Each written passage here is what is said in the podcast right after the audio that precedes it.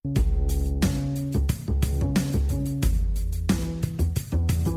eru Adidas á Íslandi, Netgyro og Tag Heuer Mikkelsen sem færa þér djöflavarpið.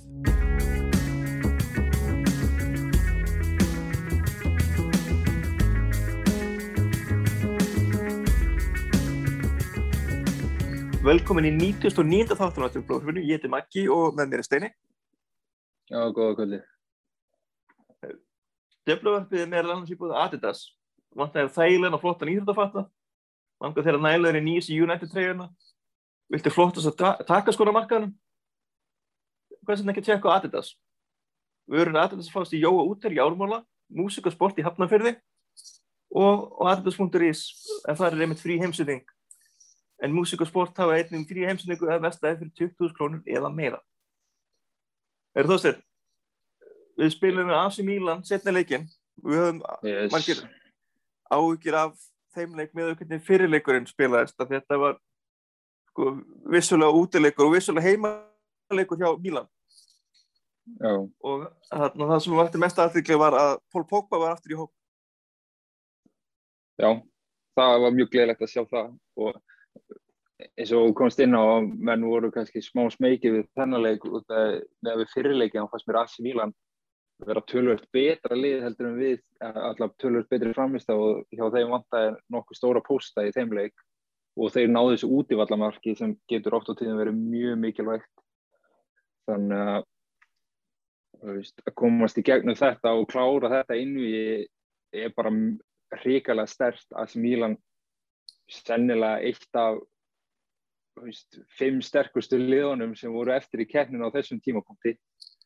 Og, og já, nú eru þeir bara dotnir út og frábær leikur veist, við vorum ótrúlega solid í vörninni og Dín Henderson tröstur, veist, hann fekk reyndar ekkert, það var ekkert eitthvað mikið sem hann þurfti að gera, að það var það var þegar Slatan var komin inn og hann bara límdi sig á Shaw, hann alltaf mikil hæðamunur þar á og hann hafði hann ágætti skallað sem Dín Henderson varði samt öruglega þannig að það var svona mjög gott það tröst sem við höfum tilbaka og Já, hann, hann er vissulega búinn að maður svona, er ekki búinn að vera eitthvað í stressi. Sem hann hefði maður nú verið fríka út ef að David G. er frá einhverja vikur þú veist, er ekkert með meðstum heldur út af einhverjum persónulegum ástæðum. Já, og en, en að vera með hendur sem varavarpan er eiginlega bara svindl. Séðan er líka þess að maður bara búin að hugsa eftir að Degi að koma tilbaka og svona, að, hvernig kemur hann inn í liði en þú veist, og það hann kom náttúrulega inn í inn í hópin fyrir þennan leik AC Milan leikin og séðan Lester leikin líka var hann í hópnum. En eins og Óli Gunnar er búin að spila þetta núna á þessu tímanbili þá eru þetta allána keppninar sem Dín Henderson á. Þannig að hann spilaði bæðiskiptin en séðan er líka kannski veist, er hann búin að taka sætið hans? Við, við vitum það náttúrulega ekki nákvæmlega að kemur sennilega í ljós í fyrsta leik eftir landsleikirlið sem er deildaleikur þannig að það verður spennandi hvort að hvort að gerist eitthvað óvænt í þessum markmannsmálum. Já, en það er náttúrulega sem að gerist leikum þegar Rashford meiðist aðeins. Já, og það var, held ég, og það var eina skipting í leiknum. Já. hjá, hjá okkur meina, það var Það, það var mjög góð skipting en þær hefðu mótt vera fleiri sérstaklega með Já, hvað gerist en það var einmitt Pól Pogba sem kom inn og, og skoraði mjög laglegt sigurmark, þetta er svona seglumark ég er búin að horfa á nokkur sérum þetta er bara frikar skemmtilega gert. Það er ríkilega honum. Hann- svona hótar að senda hann fyrir en þá, þá, gabba, uh, þá gabbar hann eiginlega flest alla varnamannin og, og Donnarumma í markinu og og hann kom inn í bara hann, var bara inn á hnið hérna Donnarumma og svo bara setti yfir. Þetta var þetta var virkilega laglega gert. En og það Svo- líka bara með komu Pogba inn á völlin þá bara var hann, leikur liðsins var bara, hann kom með reikalega mikinn kraft og góð, bara góða áru inn á völlin það er svona, eftir Leipzig hörmungarnar fyrir vetur þá. Er Pogba eiginlega bara búin að vera á eftir kannski Bruno bara einn af mikilvægstu mönnunum bara mikilvægst maðurinn í liðinu svona fyrir ólíkunar þannig að Já, og maður sé líka að þeir eru þetta, þarna, það er svolítið mikilvægt fyrir þess að bara báða að vera saman eins og, eins og fyrir Brúna því að þegar að hann er ekki með, með Pogba með sér eða eitthvað svona skapandi leikmann þá er hann kannski bara tvíteimaður af anstæðingum og, og þá er svona auðveldara eitthvað megin að stoppa hann. Já. hann að hann fái víti eða eitthvað svona frík færi. Já, það er líka eiginlega bara fyrir að, veist, aðra miðjumenn í liðinu eins og McTominay og Fred það er bara eins og í þessum leik þá er náttúrulega freistandi bara fyrir AC Milan að pressa þá tvo þegar þeir fá boltan eh, og en eftir að Pogba kom inn á þá náði hann að halda eins meira á boltanum og þegar hann gaf frá sig þá höfðu þeir meiri tíma á boltanum. Þótt að þeir séu kannski ekki alveg jafn sóknar þengjandi þá gáttu þeir þá komið kannski með einhverja sendingar fram á við sem já, mynduðu skapa þannig að hann, bjó, hann, bjó, hann býr bara til tíma fyrir alla aðra á boltanum út að hann dregur svo hrikalega mikið í sig. Og þess að hann er líka alveg snjallt eins og ólíkunar stillir honum upp svolítið, út á vinstri kantinum að svona liðið dregst þanga og þegar hann gefur boltan inn á miðuna þá náðu að sprengja kannski út yfir á hinn kantin og næ, næ, nægilega hratt að hitliðina er ekki að bregðast almennilega við því sko. Þetta er virkilega ánægilegt og, og, hérna, og þetta er allavega keppni sem við erum í byllandi séns til að vinna en við mætum Granada í áttalúsildum þannig að og, svo, og eftir það er ef við fyrir í gegnum Granada þá er hvað er það, Ajax að Róma líklegast að eftir það, si- si- si- sigurvegarinn úr sigurinn og þeirra erum Já, Já, það, við fáum þá á meðan hínum einn Arsenal fær Slavia Prag og síðan er Dynamo Zagreb á móti Villarreal. Dynamo Zagreb sem að einmitt, slógu út tóttana Já, Töp, og eftir, Slavia komið Það- tilbaka eftir, eftir að hafa tapað 2-0 bara nokkuð Já. Ríkala ríkala stert hjá þeim og líka mjög óvænt. Þetta er ekki alveg það sem knatspinu heimurinn hefði búist til Nei, tóttalinn er búið, er búið eiga mjög fyrirlegt Já, þetta er svona smá punktur yfir yfir á því tímabili sem er í gangi hjá þeim sko. Já, já, og það var og svona hamfara viðtal við þarna vaktmannin eftir leik. Já, það var þannig að mæli með að menn grafið það upp það er þetta er mjög spesfitt að bara að leikmaður þóri að tala svona með Mourinho sem stjóran sinn sko. Það er, Já, en Mourinho alltaf er, er að vera mjög, mjög, mjög duglega hjá tóttar í emitt í því ólíkt í öðrunlega það er alltaf mjög fljótur að henda leikmannu sínum undir, rút, undir rútana ef það gengur illa já, Þannig hann hendaði meir svo undir rútuna eftir sigurleik um helgina Já.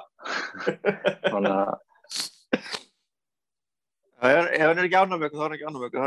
Kannski er hann bara sjálfur sem Já. sangkvæmur eða, eða kannski er hann bara orðin gaga. En við, við vorum ekki að spila í deildinni um helgina en það var byggarleikur en okkur er búið að ganga ágætlega í þeirri keppni í vetur.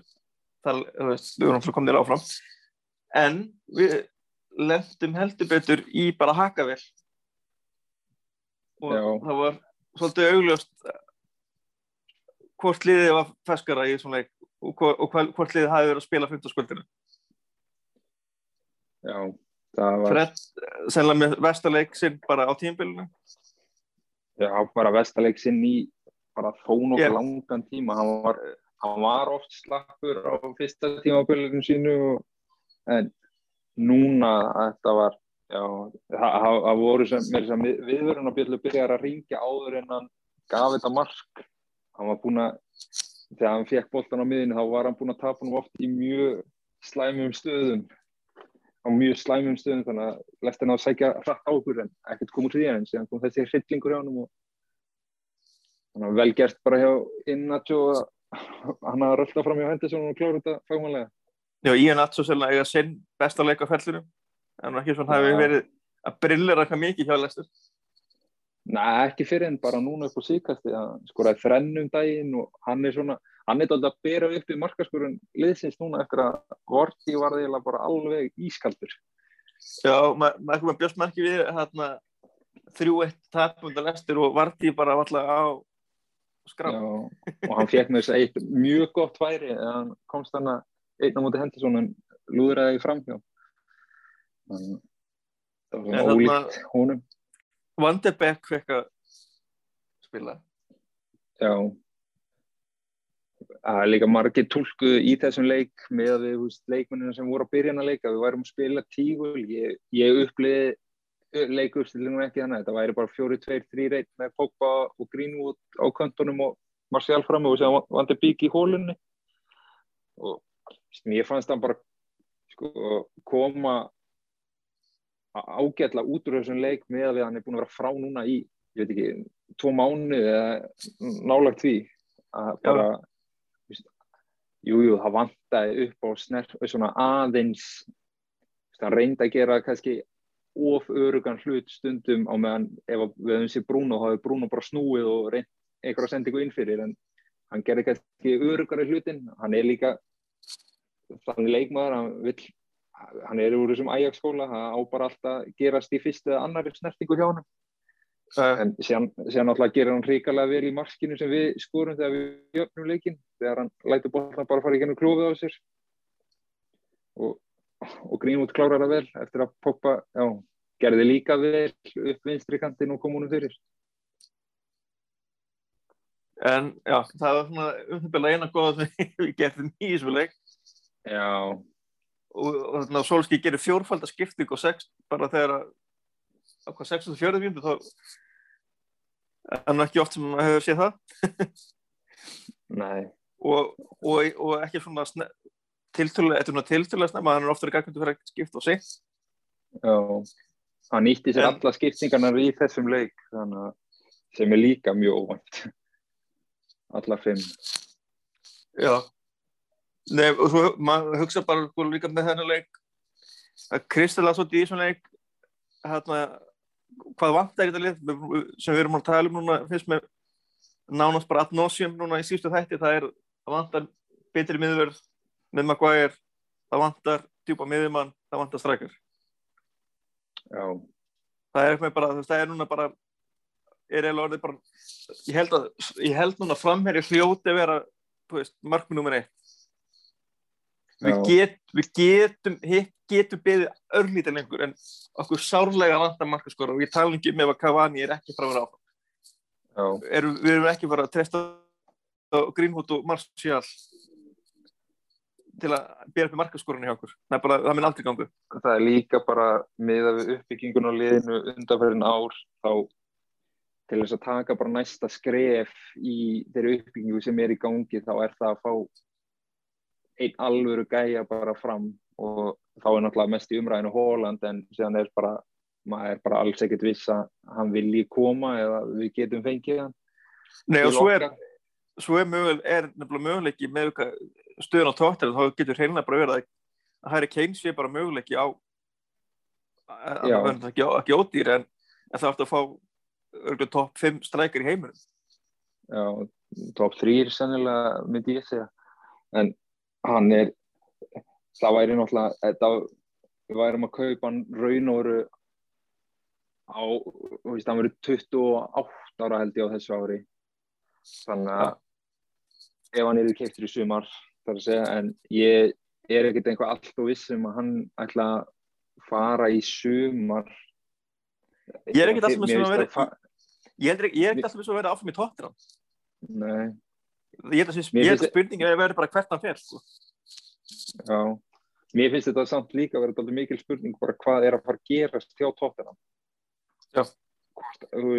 Ef að Mourinho verður látið fara í sumar sem ég veist það gæti alveg gæst að hann er látið fara en það er náttúrulega mjög ósennilegt með að við eru allan hann pening sem þarf að greiða fyrir þá uppsjálf en, en það verður kannski líka eftir hvernig restan af tímpul spilast, þetta er náttúrulega ekki Svensson einum á neinu sko byggurum og, og þeir eru í úsluleik deildabyggasins þannig að það geti verið svona hálmstrá í, í, í þessu sko. En þeir eru náttúrulega að mæta massi sitt í lið sem er með svartabelti að vinna deildabíkarinn sko. Þannig að en Harry Kane hann hlýtur allan að vera með einhvað í back of his mind að hvort hann ætti að taka stökki einhvert annað út af þessi gæi ef, ef, hann, hann myndi vinna ein, Premier League einu sinni þá erði hann sennilega að tala um hann bara sem næst besta ef ekki besta ef hann er að slá markarekordunans alla sér sem hefur verið í ennskúrstöldinni Já, það er alveg, þetta er einn, af svona stóru leikmennum hérna í gegnum tíðina í ennska bóltanum sem hafa brillarað en hafa aldrei unnin, eða stunnin eitt, en hafa alltaf verið eitthvað en frábær. Hann, hann, hann gæti bara verið hliðin á Steven Gerrard þegar ferlinum líkur í þeirri umræðu. Já, það er svona, ef, ef hann er að horfa á þetta personulega fyrir sig sko, en síðan er hann náttúrulega bara hríkalega mikill spörsmaður. Og þú veist þetta er eflust mjög snúin ákvörðun hjá honum. Ja, það, ég held já, ég held að þetta og það er líka hef, held ég líka verið að tala um að Real Madrid hefur áhuga á Kane. Já. En ég meina en Real getur, getur bara haft efna á einum gæja, það er, er Mbappi og Haaland eru sennilega í forgang hjá þeim að reyna að ná öðrum kórum þannig að eitthvað með, ég finnst eitthvað svona Mbappi vera svona maður myndi halda að það væri gálega gálega kaupin. Upp af því að hann er, hann er svo ungur og hann er svo frábár og hann getur spila í öllum þrem fremstu stöð, stöðunum. Hann getur, getur verið alveg út á vang og sækja inn eða bara hreinlega sem bara strækar. Já, og jafnveg lí aðeins fyrir aftastrækjar hann getur spila alltaf kringa því að svo er hann bara eða fljótast að kvikið sem ég séð sko. Ótrúlega, ótrúlega springikraft sko. Þannig að þetta, þetta verður mjög fróðlegt sumar.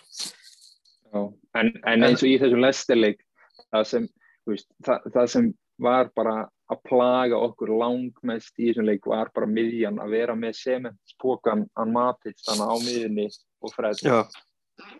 Og veist, þetta miðjan hjá Lester Tílemanns mjög sprækur, ótrúlega góður að bera upp alltaf, hann skoraði flott marki í þessum leik og Ndiki sópar upp öllu nánast, veist, hann, væri, hann er öruglega á einhverjum targetlista hjá okkur í þessa stöðu, okkar megin og veist, á móti þessum tveim, það var þetta, já, þeir rúluðu bara yfir okkur á miðsvæðinu og Inacho góður og vörnið er að líka bara tröst veist.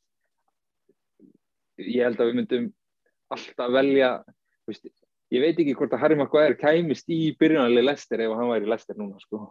með að við framvistuðum hjá þessum hjá þeim Já, þannig, og, og, mjög, og hann er kannski líka oft, hann er búin að vera e, búin að eiga, hann er búin að reynda bara að eiga fínt tíma Maguire ekki, ekki einn, einn af þeim leikum Nei, það er bara og, og ekki, ekki hjá neinum í vörðinni og, og hver, var, hver var það að tala um daginn að var, var það Solskjaer sem tala um að hann hefði, hefði aldrei selgt Johnny Evans? Það var eitthvað að tala um að hérna, ef hann hefði fengið það, það hefði hann aldrei verið seltur Alltaf ég trúi því alveg vel.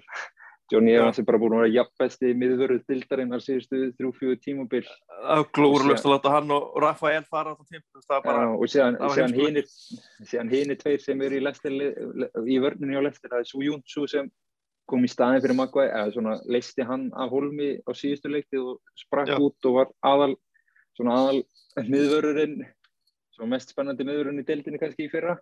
Og síðan mittist og Jónsson á þessu tímafél og þá kom Fofana inn í liði og núna er hann orðið mest spennandi miðverður dildarinnar Hvað, þú veist í hvar vestla er miðverðið þetta lestar, kannski spurninga á nú er það bara hjá þeim aðila. Er það bara center backs or us? Eitthvað Heru, ég meina þeir, þeir peka í Harry Maguire frá höll, fallið höll þeir ná að krækja Johnny Evans sem eh, fjall með Vestbrónars Albjörn og séðan Esu eh, Júntsu, ég held að hann kemur frá Frankfurt í Þýskalandi og þeir voru búin að kaupa hann áður þeir seldu og Harry Maguire. Það var alveg búið að læna því upp að þessi gæði er alveg rétti í þetta lesterdæmi hjá þeim og síðan fóð Fana, hann var hjá Saint Etienne og hann var talin vera að það voru tveir mjög öflugir miðverið þar, mann og ekki alveg hvað hinn heitir, en hann fór í Arsenal og hann var talin tölverð betri heldur en Fofana, en á meðan hinn hefur ekki komist í hóp hjá Arsenal, ég held að hann sé ekki skráður í Premier League hópin, þá er Fofana búin að vera, já, bara svona mest spennandi miðveru deildarinnar, bara eina betri miðverum deildarinnar í þokkapút. Já, það er eiginlega, það er eiginlega bara ergjandi að, að United skulu að keift Harry Maguire frá Leicester að 80 miljonir punta og þau finna ekkert fyrir því á vellunum Nei, vörðin hann var bara betri af eitthvað var, það var bara, það var bara þú veist, og vörðin okkar jú, hún var betri ef hún var ekki frábær, en það er kannski líka hún hafði líka fyrir að segja hverju var að spila í kringum hann, til, til, til að vera sangja það er mjög ósengjart alltaf glýna öllu vartaleiknum á eitt leikmann þó sama hvað hann kostar. Það er náttúrulega Lester hefur bara verið Lester hefur bara verið frábærir í recruitment eftir að þeir náða landið sem titli 2016 þá, þú veist, þeir hafa bara náða viðhalda því að þeir séu efri hlutar lið, kannski eru ekki konur í top 6 svona stóru 6 en þeir eru alveg góðri leið að geta komið sér inn í þann hóp bara þeir eru komnir, eru komnir í það sko, þeir, umræðan sem sko lið sem ætti að vera í, í einhver Európa-kefni finnst mér sko. En, en svo held ég kannski líka að það sem að vinnu vel með þessari lesturverðin er hérna smækkel í markinu. Já, þú, maður sér það líka bara munin eins og hérna hjá okkar liði með þegar þetta gerir markinu þegar hendur markinu hendur svona tala miklu meira við vörnina. Já. Og Hendi, Henderson er bara markmaður af flestra skapi, veist, er, já, eins og þú segir, hann talar mikið, er hávær, það er er presence í honum á meðan maður upplýður það ekki á degi að hann bara ver bolta, það er alltaf þannig, og er flinkur að spila boltanum. Það er, já, það er svona þú veist, þeir hafa bá, báðið sína kost og galla en vandamál með DG er að margt hjá hann sem voru kostir er bara eitthvað sem hann gerir ekki lengur þú veist, það, það, var ekki í þessum þú veist, maður hafði aldrei ágjörð að það myndi kosta okkur leiki. Nei, fyrir bara svona tiltölulega nýlega og það er með ótrúlega skrítið og ég man hérna menn voru að fara að taugum þegar að það leit út fyrir og hann, var- hann var bara einu bara fax eitthvað faxsendingu frá því að fara til Real Madrid. Hann var, var ekkert einnig fagsendingu frá því, fagsendingin, fagstaki bilaði, fagsendingin fór held ég, en það er bara fagstaki bilaði. já, ég, ég, ég, er að það segja það eins sko, hún, hún, fór ekki gegn þannig að Já, og þar þurfti- var hann áfram og, veist, og það var eitthvað sem var ekki maður frá að byrja að sekta sig við að fá Keila Nævarsin komið góð hvað hann það, það er já, veist, skelfilegt áratugurinn sem leið, hann er samt sigursæðalegsti markmaður síðasta áratugur, eða svona einn af þeim. Kannski Manuel Neuer og síðan, en, já, en þessi- þetta Pærisilið og Real það, það er eitthvað, byrju, hvað er eitthvað annað sem að hefur eitthvað með að gera ógíslega mikið af peningum og já alveg rétt, alveg rétt en allavega, við kannski látum þetta duga. þetta var, þetta var þrjú eitt tap og þetta var mjög sangjant tap og, og liðið var bara hreinlega þreytt og líka búið að vera svakaleg svakalegt leiki álega á liðinu. Það var alltaf búið að fá neina kvild og þetta er hvað annað tapið, hvað, fimm mánuðum? E, já, og þetta er náttúrulega það, það tap sem bindur enda núna á, á sigur, ja, ekki, sem þetta við höfum búið að vinna eða gera jafntefli, á hvað margar leikir, já, þetta er náttúrulega það sem bætt enda á það, en var ekki einhver statik sem kom núna í vikunni, sagt, síðan, síðan bara lockdown hætti og ef við mínum sem frá pásuna sem við fengum eftir að við töfum á mútið Sevilla áður en næsta tíma vil byrjaði og þetta eru þá 63 leikir að við erum að fá já uh, við erum að fá já, þrjá, eh, tæpa fjóra daga í kvíld á milli leiki að meðaltali. Þetta er ekki sex- náttúrulega er þetta ferða sex- og síðan- þetta er 63 leikir á, á fimm mánuðum? Já, en síðan, þú veist, inn í þessu náttúrulega er ekki verið að gera ráð fyrir við, að, þú veist, öll ferðalegu og svoleiðis. Þótt að þeir, þeir ferðast náttúrulega eins eins vel og kostur er þá er það ekkert eins og að liggja í eigin rúmi sko. Nei, alls ekki. þannig að Nei, og, bara, En- og, og, og það er COVID. Bara, það hefur áhrif bara á hugafar og bara, þú veist, andleg helsu leikmann. Það er margt sem spilar inn í. já, Þetta er ekki vélmenni. Gleyma, Já. gleyma þessu. en síðan er líka hægt að benda það að Solskjær ber það undir sig að að, þú veist, að að það var bara þreita þú veist, vildi, svona klíndi framvistöðinu kannski dálítið á það eða þennan leik en að samaskapi þá í leiknum og undan gerir hann eina skiptingu og það er í hálfleik Já. og það er fyrir meittan leikmann og þú veist í stað þess að reyna að rúlla eitthvað aðeins meir á liðinu í þeim leik eða, þú veist, kann, kannski var hann líka bara forgangsraðið, hann líti bara á Evropadeildina sem betri möguleika að vinna titil eða bara verðmættar í keppni til að vinna heldur en að komast lengra í byggarnum er náttúrulega- það getur Eða- líka alveg eins verið Eða, eða hreinlega bara miða við liðin kannski bara auðvaldari. já, Það, er ekkert mann til þessi sitt í hérna sem við við vissulega unnum. En það er ekkert eitthvað gefið að það gerist aftur. nei en já, að, þú veist það, það, veist, maður getur náttúrulega sett bara spurningamerki við það að það sé dóttir lélegt að koma með þessa afsökun eftir að eftir að leiknum á undan sem var spilaður á Ítalíu að berða og nota bara eina skiptingu þar. Já, en það er kannski líka eitthvað, það var einhver, einhver umræð um einmitt að, að það sé rauninni sko betra að svissa út leikmennum byrjunlegum fyrir eitthvað en að endilega vera mikið að skipta inn og upp á já, en, en, en bara að segja þessu leik, leika sem Mílan, við verðum að vinna hann. Þú tekur ekki sensin, ef að það sem erum að gera virka þú ert ekki að taka út bara til að taka út. já, já, já, síðan er alveg hægt að segja það sko en Ja, þetta En er maður skilur það, maður skilur það alveg en þetta er samt líka gaggrinni sem er hægt að setja á að en síðan, þú veist, í þessum lestarleik þá gerir hann fjórfaldarskiptingu já, sem, er náttúrulega- sem var náttúrulega bara þannig tímapunkt að við urðum að gera eitthvað en maður bjóðs kannski ekki við fjórfaldri skiptingu en hún gekk síðan á endanum ekki upp.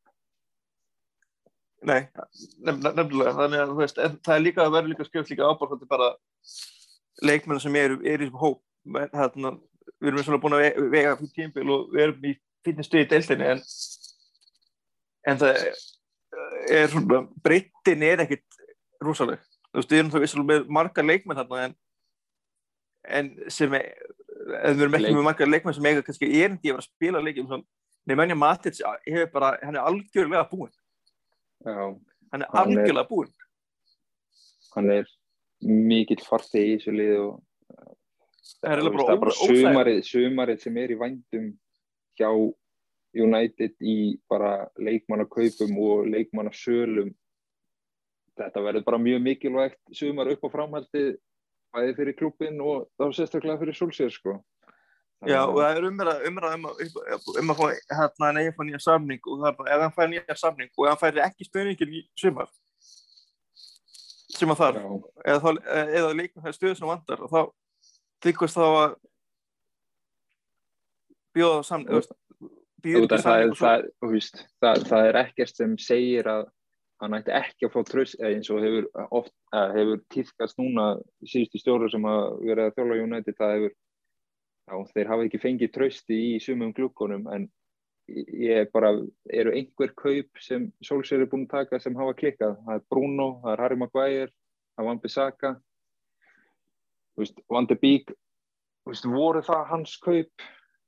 Ég, mér finnst öllu eins og það hefur ekki verið Nei, þú veist- definitely ekki priority kaup. sennilega ekki, en þú veist, að- það eru þrjú þannig kaup, jú, þeir voru allir dýrir en þeir, þeir hafa allir sannað sitt ágæti fyrir liðið og, og veist í, já, þannig að Já, af ég meina- hverju ekki- af hverju ætti hann ekki að fá trösti í það að fá að velja sér leikmenn sem hann vill herja á og vill byggja, og veist, stefna á að byggja liðið í kringum? Algjörlega og svo þetta bara hvað er um allt í kringum mann er jákvæmt það, það er ekki þetta toxic kæftað sem að fylgdi fylgir Mourinho núna bara hvert sem hann fer Nei, og og svona andru, sko, búnuskeiðum eru toxic og svona öll umræðan þú veist, í kringum liðið og þannig að þetta er bara galið. Og hérna Jú, þetta er vissulega erfitt tap og þetta er búið að vera eins og kom inn á sko, Ha- 60 hann er- eitthvað leikir á 5 mánuð, svona inn galið, flest liðir að spila þetta á 8 mánuðum. það er náttúrulega líka bara Solskjaer er bara greinlega mjög hæfur í þessari leikmannastjórnun. Þú veist, við erum búin að tala um það áður í þessu podcasti eftir, um Pogba-málið eftir að raun og eftir að Raiola kom í fjölmiðla og þvaðraði um að hann vildi komast í burt og alltaf eftir hvernig ólíkunar tæklaði það og síðan bara eins og er búið að vera mikið um viðtöl við Luke Shaw upp á, á síkastið út af hann er búin að standa sér reikalega vel og Luke Shaw að hann getur eiginlega ekki hægt að bara hrósa ólíkunar svolsögur fyrir bara já, man management eins og hann segir second to none á einskunni Ég, ég, held að ég bjóðst definitílega ekki við að, að maður myndi svona neitt í líkingu þessu frá Pogba sem við erum búin að sjá er rauninni bara basically frá þessu viðtal við Ræjóla. Maður held ekki bara já, ok, hann er bara verið farin í janúar. Já, og núna, núna er bara, það er ekkert, það er það er útlökað að gera nýja samning, hver er að fara að taka? Það er bara líklegra ef ekki að hann framlengi við United því að, Sem- þú, þú hvert, hvert fer hann? Meina, hvað lið hefur efna á að kaupa? já, Þú veist, ef þetta er Juventus, hvað, þú veist, Juventus þarf þetta þá að losa leikmenn. Juventus þarf náttúrulega líka bara að losa leikmenn yfir veist, hann, geti líka horta á þannig, jú, þú veist eftir að Solskjaer tók við, þá er búið að vera stígandi liðinu, statt og stöðugt gegnum allan stjóra, þú veist, jú, jú, það var komin lægðir en þetta er, er stígandi í þessu það er ekki hægt að segja neitt annað Nei, og, og líka, á meðan, á me- meðan á Ítalíu hjá, hjá Juventus þá er þetta búið að vera statt og stöðugt á niðurleið eh, þannig að og er bara leik, leikmenn sem, leikmenn sem koma þar inn, veist, svo Aron Ramsey og frá leikmenn hér, bara, bara, aftur er þetta leikmenn í Juventus. já, Mér fullir virðingu fyrir, fyrir Aron Ramsey, þarna celeb killerinn. En þe- þeir fatta sem fatta. En svona áður við förum í hérna fréttir vikunar þá hérna langum við að tala um annan stuðningsaðal okkar. Það er Netgyro, má bjóða þeir örygg og þægilega greiðsluleg Netgyro notundur best á netun og skilja veski eftir heima þegar það fara í búðina. Sumið þeirra borga strax, aðri nýta sér 14 dagar greiðslufrest eða borga dreikningum um annan mót. En svo er líka ekkert máli að drefa greiðslunum með að taka lán bara eins og henda hverjum og einum En Steini, talandi um styrtaræðala, United er komið nýja styrtaræðala frá með næsta tímabili. TeamViewer eru framan á treyjunum hjá United og Já. þetta er samningu til 5 ára og 47 miljonir punta hverja, á hverja leiktið þannig að það er ágætið skiptið minn. já það er þetta er þýst uh, hvað svona tæknifyrirtæki frá Þýskaland eða þýst tæknifyrirtæki sem er, já og þú veist bara, Guðsi lofa að koma ekki einhver Bet365 einhver, einhver Bet-fyrirtæki fram á nú. Þessi liti fram hjá svoleiðis. Það er hana, ekki spennandi. Uh, og líka bara losna við þetta ógeðslega sefrulegt framan á Já. treyni, þetta er búið að vera dálítið mikið stílbrot Ég er svo með þannig að Þetta- vonandi mun þetta líta tölur betur út á komandi Já, og, treyni er, og, og, og kannski þetta líka að vinna kannski aðeins meira með þetta og, og sem sefur veist, það var ekki svona, það var reynd að gera bara höfum alveg eitthvað, nei, höfum alveg bara gull og silfur hérna bara stærsta fyrirbælið á allir treinum bara, þetta er alveg, já, en þetta, en þetta er jákvæmt, en það er alltaf, og þetta er þetta er eitthvað með dýl líka þannig að, já, að gott, að, er- gott, að, gott að vita að Jónit er relevant í markasmálunum þannig að, Þetta er stæðsti, treyju dýllin í. Premier League núna þótt þetta sé þetta, þetta, er, þetta er ekki einn stór dýll og Chevrolet dýllin var en það spilar inn í að Chevrolet dýllin var líka að Chevrolet væri uh, sagt, bíla bílaframlegandi eða svona bílapartner ekki, já, bílapartner væri ekki bara trey, framan á treyjunum þannig að það voru einhver all- allir 20 leiknúmer milljónir og punda Chevrolet. auka já. Já. þannig að núna losnar um það til dæmis þú veist, þá hver verður bílapartner það, það verður ekki dýl um það bráðlega, sennilega Já, það, það, það kemur minn en ekkert óvart. En og það þarna, verður sennilega tilkynnt áður en Chevrolet dettur á, á treyni þannig að það verður já, og, og, og svo, já, svo er ekki bara Chevrolet sem er farið til, svo skilst mér að Eon sé að fara af hérna, samningur við hérna, þeir náttúrulega hafa verið á hafa nú ekki verið fram á tegjunum í, langa tíma en þeir hafa verið hjá á svona æfingar fatnaðinum og uppgötunar fatnaðinum en, en það er að koma ég, ég veit, var ekki með að sjá hvort það var að koma ykkur nýr þar inn en það er að fara dætt líka.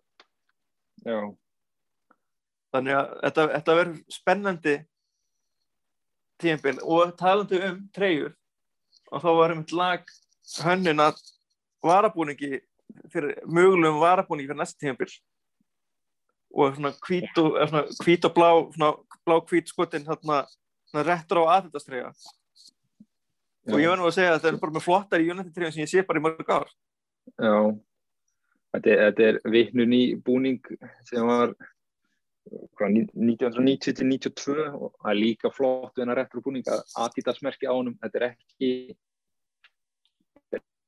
Þetta er Nei. badmintonboltinn eða ekki? ennjulega Adidas merki, þetta er þetta Já, þetta, er, ba- þetta er badminton. retro Adidas merki sko já en, síðan, þú veist eh, það er nokkuð líklegt að næsta treyja verði í líkingu við þessa sem er búið að leka en það oft svona þegar treyjur leka þá er það yfirleitt svona viljandi að láta leka til þess að sjá bara viðbröð oft á tíðum.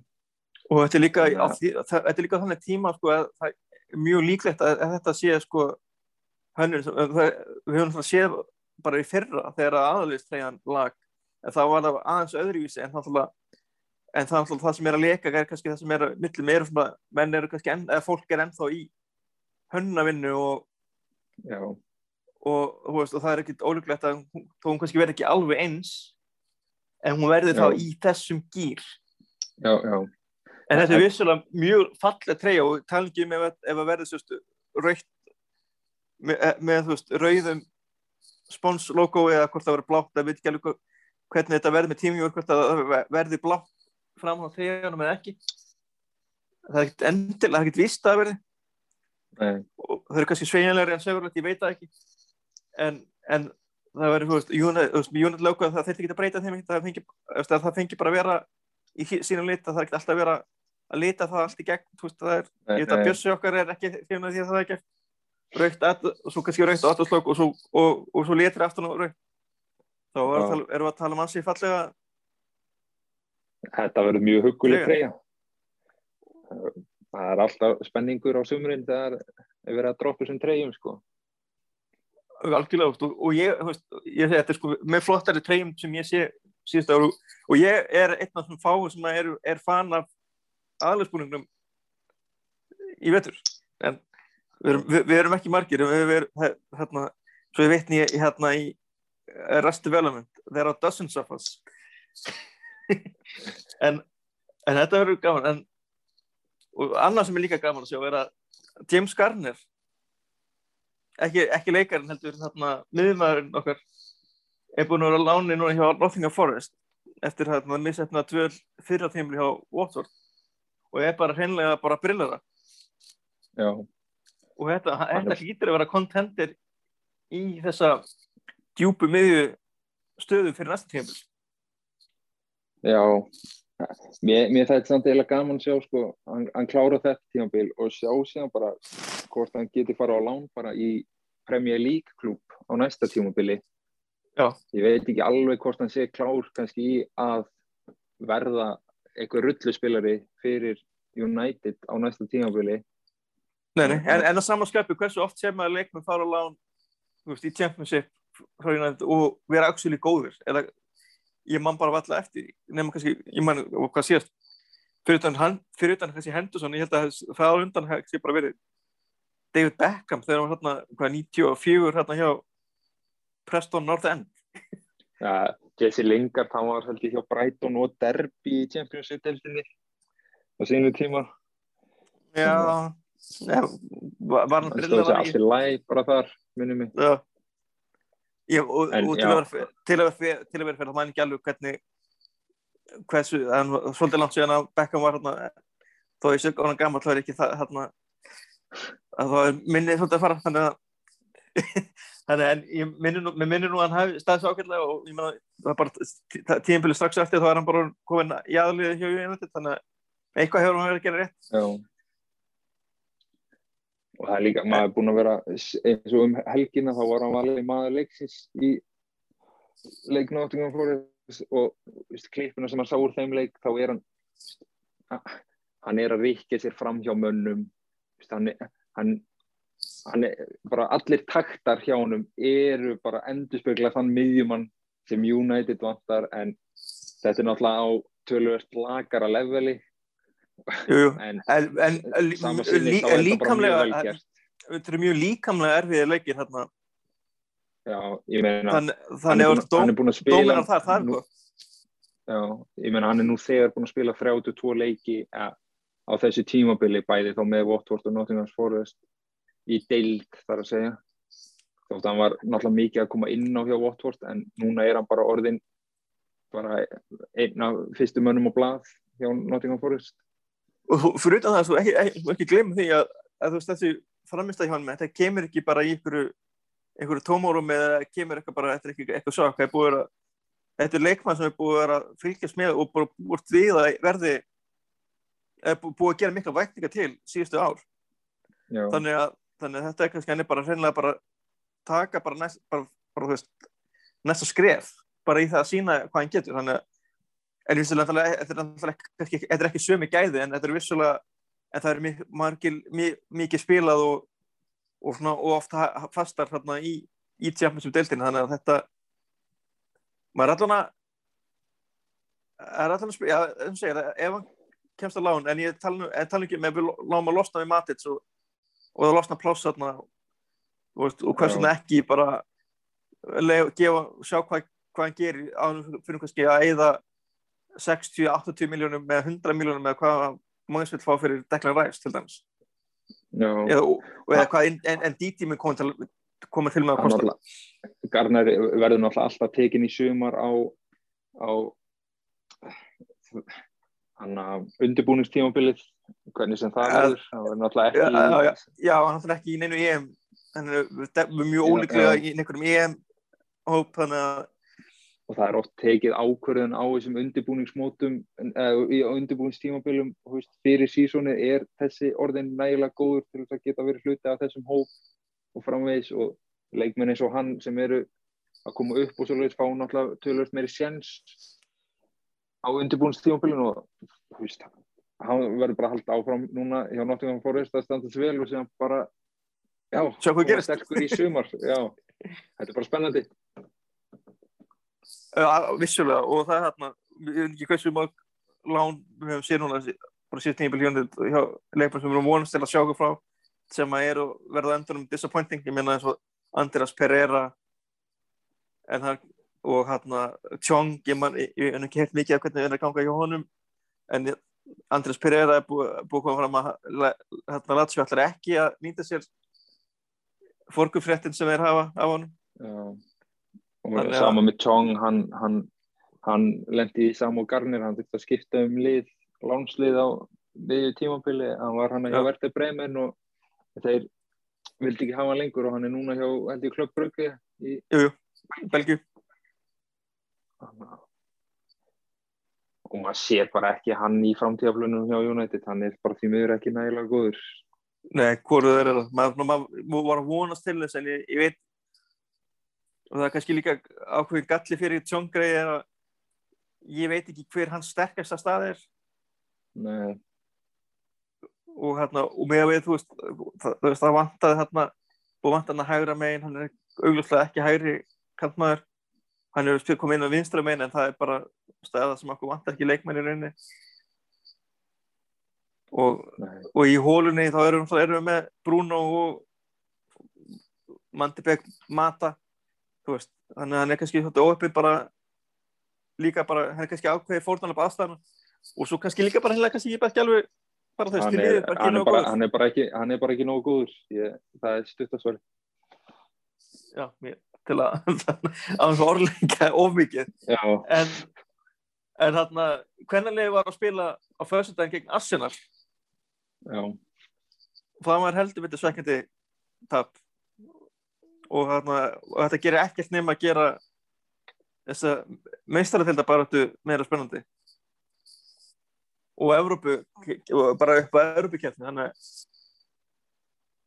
ég man ekki hvernig það var eru, eru eftir tvö sæti sem meistardeild og svo þriða sæti Evrópudeild? Eða eru það öll nei, meistardeild? það, er öll mistarabild Ok, þannig að já þeir breytti fyrir þetta tímpil það var, var, var voru fyrstu tvö, nú er það fyrstu þrjú Það er líka En- bara, þessi, leik, þessi leikur sem voru fyrst, að fá mark á sig bara þriðju mínútu í leiknum Já. og, og Arsenal kemst í 2-0 fljótlega eftir hálfleik en þessi að missa þær fær Arsenal raustspjald og þá, en þá hálftíma eftir á leiknum að ná ekki að kannski að gera eitthvað áhlaup á þær.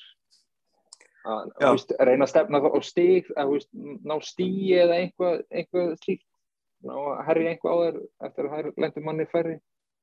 Þannig að það það er, það nálgast veist, það er eiga leik inni á okkur og, og með sigri þar jafnaði, jafnaði okkur á stigum. Þannig að þetta- er ansið hörð bara átt að hann að topp þrjú sætin. Ja, um þetta þriðja sæti efstu tvö eru svona nokkuð garantít Já, ég meina, það var þetta á tímbilið þarna sem var að gera sér eitthvað vonur um að kannski að taka held að það sé nú algjörlega það sé algjörlega úr sögunni. Já, það er bara, þú veist, það er bara þetta Chelsea Ó, lið það er náttúrulega bara yfirburða lið í Já. þessari dild og, og mann sem City liðið- City lið er náttúrulega líka bara ríkalega gott líka.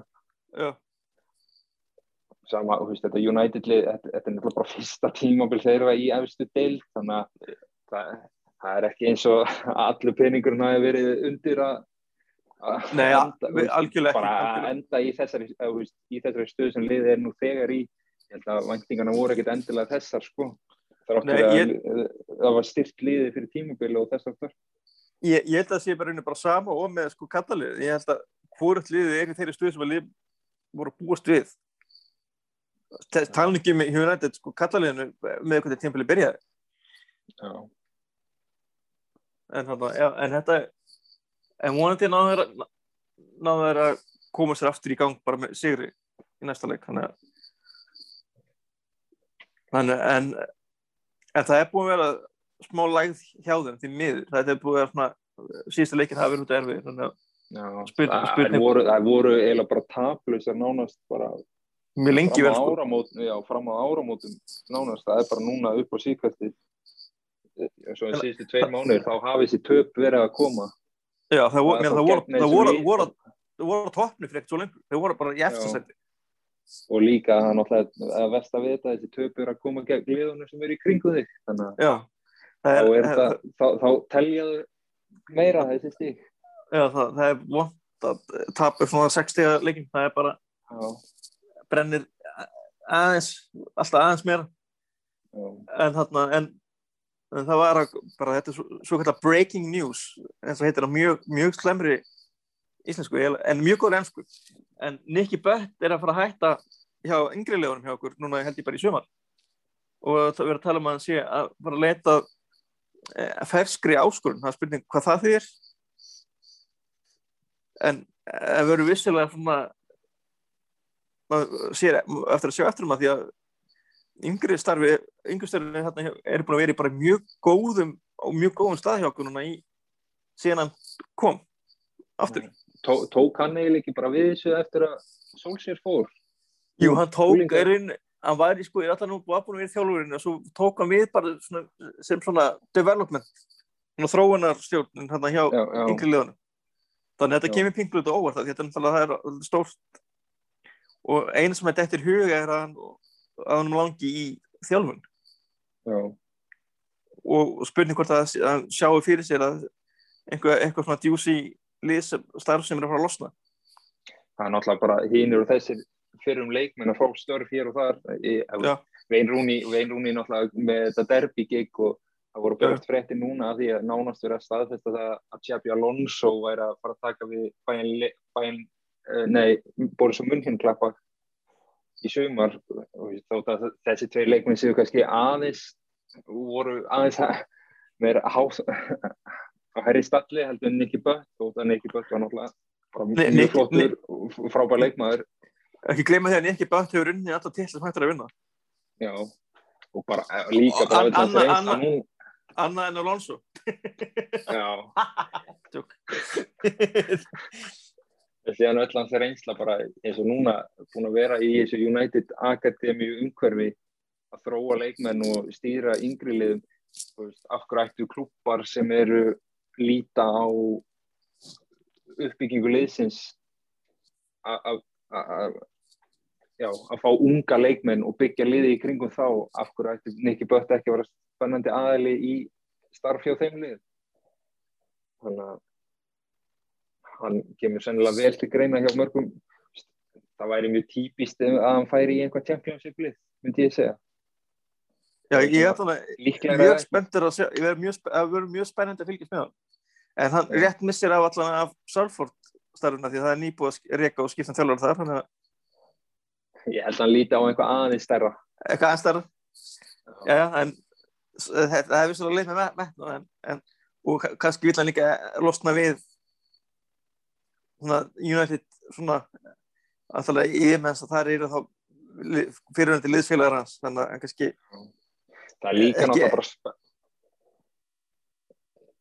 það, já, að, það er líka náttúrulega bara spennandi að hann er að fara núna og var það ekki bara í síðastu þætti það sem við var verið að ræðum að Darren Fletcher væri komin í stöðu, veist, hver, hver verður ráðinn í já, stöðu Nicky Butt þú veist, hva- Þetta er- þetta- nú- núna, þetta er eitthvað sem að þeir ætti að sjá Já, núna er fyrsta alvöru, alvöru svona jobb, veist, alvöru ráðning sem þeir þurfa að gera.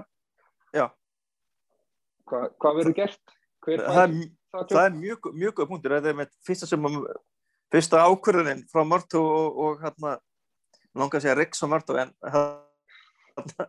en Mörtu og Fletcher Fletcher Mörtu hérna, lítal veppanu svo kallar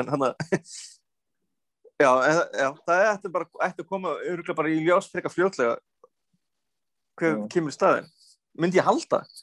Já, ég, upp á bara nema þeir lítið á þess að að það þurfi ekki að tilkynna fyrir hann er farin eða eitthvað, ég veit það ekki. Nei, Það er spurning hvað þetta er með sko, ég hef sem þetta hafið það mikil áhrif á verbreyðamarkaðin og, og, og, og hluta og, og, og það allt saman sko. Ef þetta væri stjóri þá þetta tilkynna það, en ég veit ekki hvort þetta sé svona tilkynningaskilt fyrirfram. þetta, þetta er samt mjög stór ráðning innan félagsins, þannig að þetta, Þetta er mjög stór sko fyrir liðið en Já. fyrir félagið það, er- það er svona munur að því að með hvernig bara búið- hefur verið rekið síðustu 15 ár. já, já, ég meina þá ekki félagi, kannski rekstralega sé bara svona já. leikmanna og, og bara svona, út að það er verið að ráða þessar menn, Darren Fletcher og hann að, hvað heitir hann? John Murto. Já, móstu í, í þessa stöðu til þess að búa til struktúr innan innan félagsins veist, þetta er það sem United stendur fyrir, þetta er fótbolta sem við viljum spila við ráðum veist, stjóra og menn inn, innan liðsins innan klúpsins til þess að fara eftir þessari stefnu ekki hérna fá hérna eitt spennandi frá Spáni sem vil spila fennanbolta sem Já. passar engan veginn inn í það sem á upp með. Við tölum, um tölum mikið um þetta í bara síðast á þetta að, að, þetta er einmitt perfekt upp á það. Ef, ef að, veist, þegar Solskjær fer að, að þá er þú veist, þá er því tala við og þú veist, þá er já, þú veist, þá er liðið kannski búið að mynda sér eitthvað ákveð, ákveð filosofi og þá bara og þá bara ráðið, ráðið inn það sem passar inn eins og bæinn munn hérna hafa gert og, og fleiri lið sem að þú veist, viðrast nánast bara að vinna sama hver sko, er þjálfa Já. þannig En að þótt að, þótt að eigin þótt að tískast náttúrulega hjá öllum liðum að akademíunar þær, þú veist, eftir höfðunum dansa þau, þau eiga að fara eftir því sem er að gerast hjá aðaliðinu, hjá Barcelona þá spila öll liðin 4-3-3, þú veist, þú læri það kerfi bara inn og út, þannig er það hjá öllum liðinu þegar, en þetta er samt, veist, núna þegar er komið, veist, þessi, þessi staða að vera director of football það, já, Já, það er svona kannski.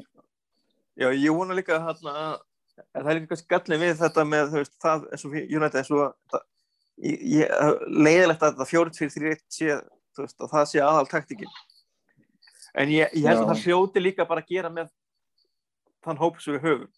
Já, við erum, við, erum, við erum ekki með mann sem við getum verið, við getum ekki verið við fjóra þrjá þrjá því við erum bara hreinlega ekki með leikmannin til að vera sem er nógu góður í að vera ekki rið.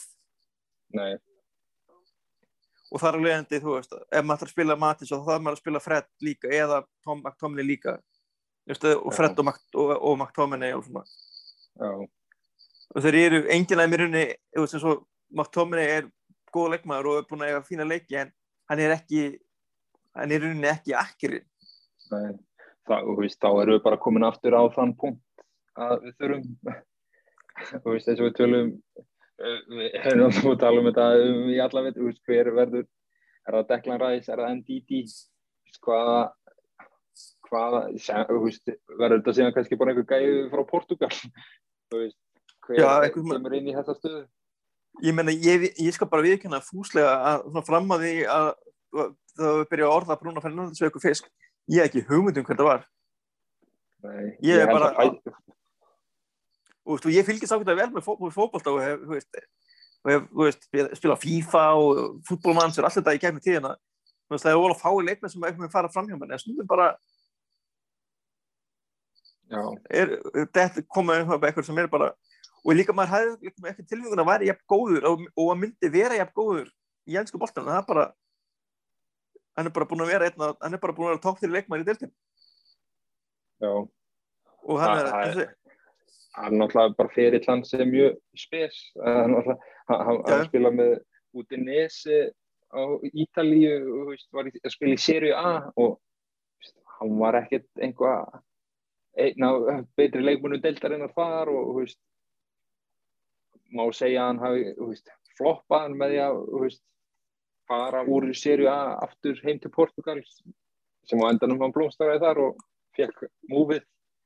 Já ég held að með að að að við sko var hjúti nesi þá hætti ég nú flest þessi þrjú eh, stóri lið hérna í Portugal sé nú upp á við með að það já, já, þau, þau eru stærri náttúrulega en ef, maður lítur bara svona deildina og þú veist, vissulega. H- h- hann var bara hann var ekki orðin nægilega stór fiskur í þá tjörn. Nei, og, og, og kannski leikmenn bara með honum ekki, þú veist, passa ekki með, við, þú veist, líka það sem þarf að skoða, Já. ekki bara hver er besti framherrin eða hver er bestir í þessu, veist, hver er góður í þessu, en passa líka inn í hópin með hinn leikmannum okkar, veist, það er, já, og það er, Það- það er- er það, það er sem að Solskjær hefur búin að pæla, er að, þú veist, með, það er greinileg filosófía hjá hann þegar kemur að leikmanna kaupum, þú veist, það er ekki bara, end, er ekki bara, hann er vissulega sem gæði en líka hugafar og svona, og persónuleika og samskiptaði hafi líka. Þannig að þetta verður þetta það verður það bara mjög það má segja að þetta sé að gerast núna aftur hjá Sporting. Þeir eru að fá leikmann eh, Pedro Gonçalves sem eh, hann var, hann var komið samning hjá Wolves og var honum spennandi svona þeir ætlu að nýta veist, að, að, ung, hann kom bara til þeirra 2018 og hann er fættur 98 og hann er núna á Evrópumótinu sem er núna í gangi U21 mótinu, þá er hann talin vera einn af tíu mest spennandi leikunum þar og á þessu tímabili hjá Sporting er hann búinn að skora 15 mörk í 22 leikjum þannig að meðan hann gerði ekki neitt veist, hann spilaði ekki leik fyrir Wolves Wolves bara leta hann fara á endanum út af því að bara, heyrðu, þessi gæði er ekki að fara að gera neitt fyrir okkur. En Nei, að og- annar Bruno Fernandes? Nei, einmitt, einmitt, en svo náttúrulega kannski vúlstri varna þannig að eru við með þarna ansi stóra posta hérna á miðinni þú ert ekki að endilega fyrir að riðja úr hérna liðinu, hérna Rúben Neves og, og, og, og, og sjá Matinho þannig að þetta er svona, svona þú veist, hann gæti verið að spila á kvöldunum í þessu fjórir, fimm, nei, í þessu þrýr, fjórir, þrýr kerfi sem þeir spila. já, En meina, þeir, þeir, þeir bara sáu ekki það sem, já, það sem er að gerast núna, eða veist, þeir, þeir, ég held að þeir klóra sér bara í haustum yfir þeirri framhengslu sem er í gangi hjá honum í Portugal Já, já, og, meira, og svona tala, þú veist, þú veist bara verður bara að grípa tækifærin og, og líka, þú veist, þú verður liðið sem er tilbúið til að gefa það leiki og ég vil þó sett ekki að eiga til besta leik að þú fáið samt. Já, að, að það þýð ekki að eigur ekki sens lengur. Já, en allavega en svo er náttúrulega er núna landsleikja því í gangi og Ísland mætir Þískalandi núna bara á morgun. Það verður áhugavert það vantar heilmikið í, í, hérna, í, í, í íslenska landsleiki en það en það er líðið ekkert endilega tilbúin að missa leikmenn í tegja hérna sótkví fyrir hérna þó vissulega að sé þetta ekki í vinnanduleikin, þetta eru bara alvöru landsleikir en reglunum var breytt samt að með leikmenn frá Englandi þannig að Nú, þegar varðum breytt, er það bara 5 já, já, já, það, það er bara Gilvi er frá út að hann er að fara eignast barn og hann ætlar ekki að missa því. Og, en síðan er Jói Berg, hann er mittur og hann er búið að gefa það út að hann mun byrja á bernum á morgun sem er stórt Jói Berg mittur shocking. Já, shocking news. Hérna, aðra óvænta fréttir, vatni blöytt og heiminn er blár. Já, en það er við erum Nei, því miður. En þarna en við erum með, það er eitthvað eitthvað 14 leikmenn sem er í í landsleikverkefni núna. Það er Já. allan að og þar meðal er Luke Shaw sem er heldur betur búin að eða frábært Já. tíðanbíl A- já það eru allir þessi 14 eru þá í aðlandsliðum það er- Bruno Eh, náttúrulega við, við, hef, við, við hefðum sagt 15 leikmenn ef að Mason Greenwood hefði ekki þetta að draga sig úr U21 landslið England sem er á þessu EM-móti Vel að meðsla en hann er eini leikmaður United. Allan aðalið sópsins sem er á því móti. Ég held bara eini leikmaður innan klúpsins sem er á því móti. Og maður fór bara vonfinnilega að Bruno Fernandes verði með svona engla áru yfir sér í þessu leikjum. Það er það, er það versta sem getur komið fyrir þetta tíðanbíl ef, ef hann fyrir að meðast núna. Mm. og svo síðan eru líka, síðan eru líka, síðan eru leikmenn sem eru ekki beint í United núna, Jesse Lingard er náttúrulega í hópnum hjá Englandi, skemmtilega. Þetta er held í fyrsta skipt sem hann er í hóp eftir HM 2018. Þannig að- hann er búin að bara vera bara besti leikmað vestam það er bara ekkert floknur það. Hann er bara búin að vera er já, það er bara hrikalega gaman að sjá. Ég vona líka bara fyrir hans hönd að hann haldi sig bara í, að, veist, að hann taki bara múfið í sumar og fari í til London. Ég held að þetta sé bara fullir reynt hjá United og það bara Æ, þó, þó það verð þó það verð ekki vestamöndilega en þá er hann að sína bara á helling inni þannig að hann er alveg sína það, hann er alveg sko þetta er alveg djúsi leikmannu sem er til að kaupa suma fyrir ykkur lið þarna í topplitunum þú veist, topp 8 lið þarna sem að vantar leikmann og, og hann er verið ekki dýr. Ég get ekki ímyndið að þetta verði og nei, ekki svo dýr, hann er, er ekki bara er hann, hann ákvað eitt ár eftir að samning? Hann er ekki að renna út jú, Nei, hann er ekki að renna út. Já, mér minnur að það sé rétt yfir að það sé eitt ár eftir.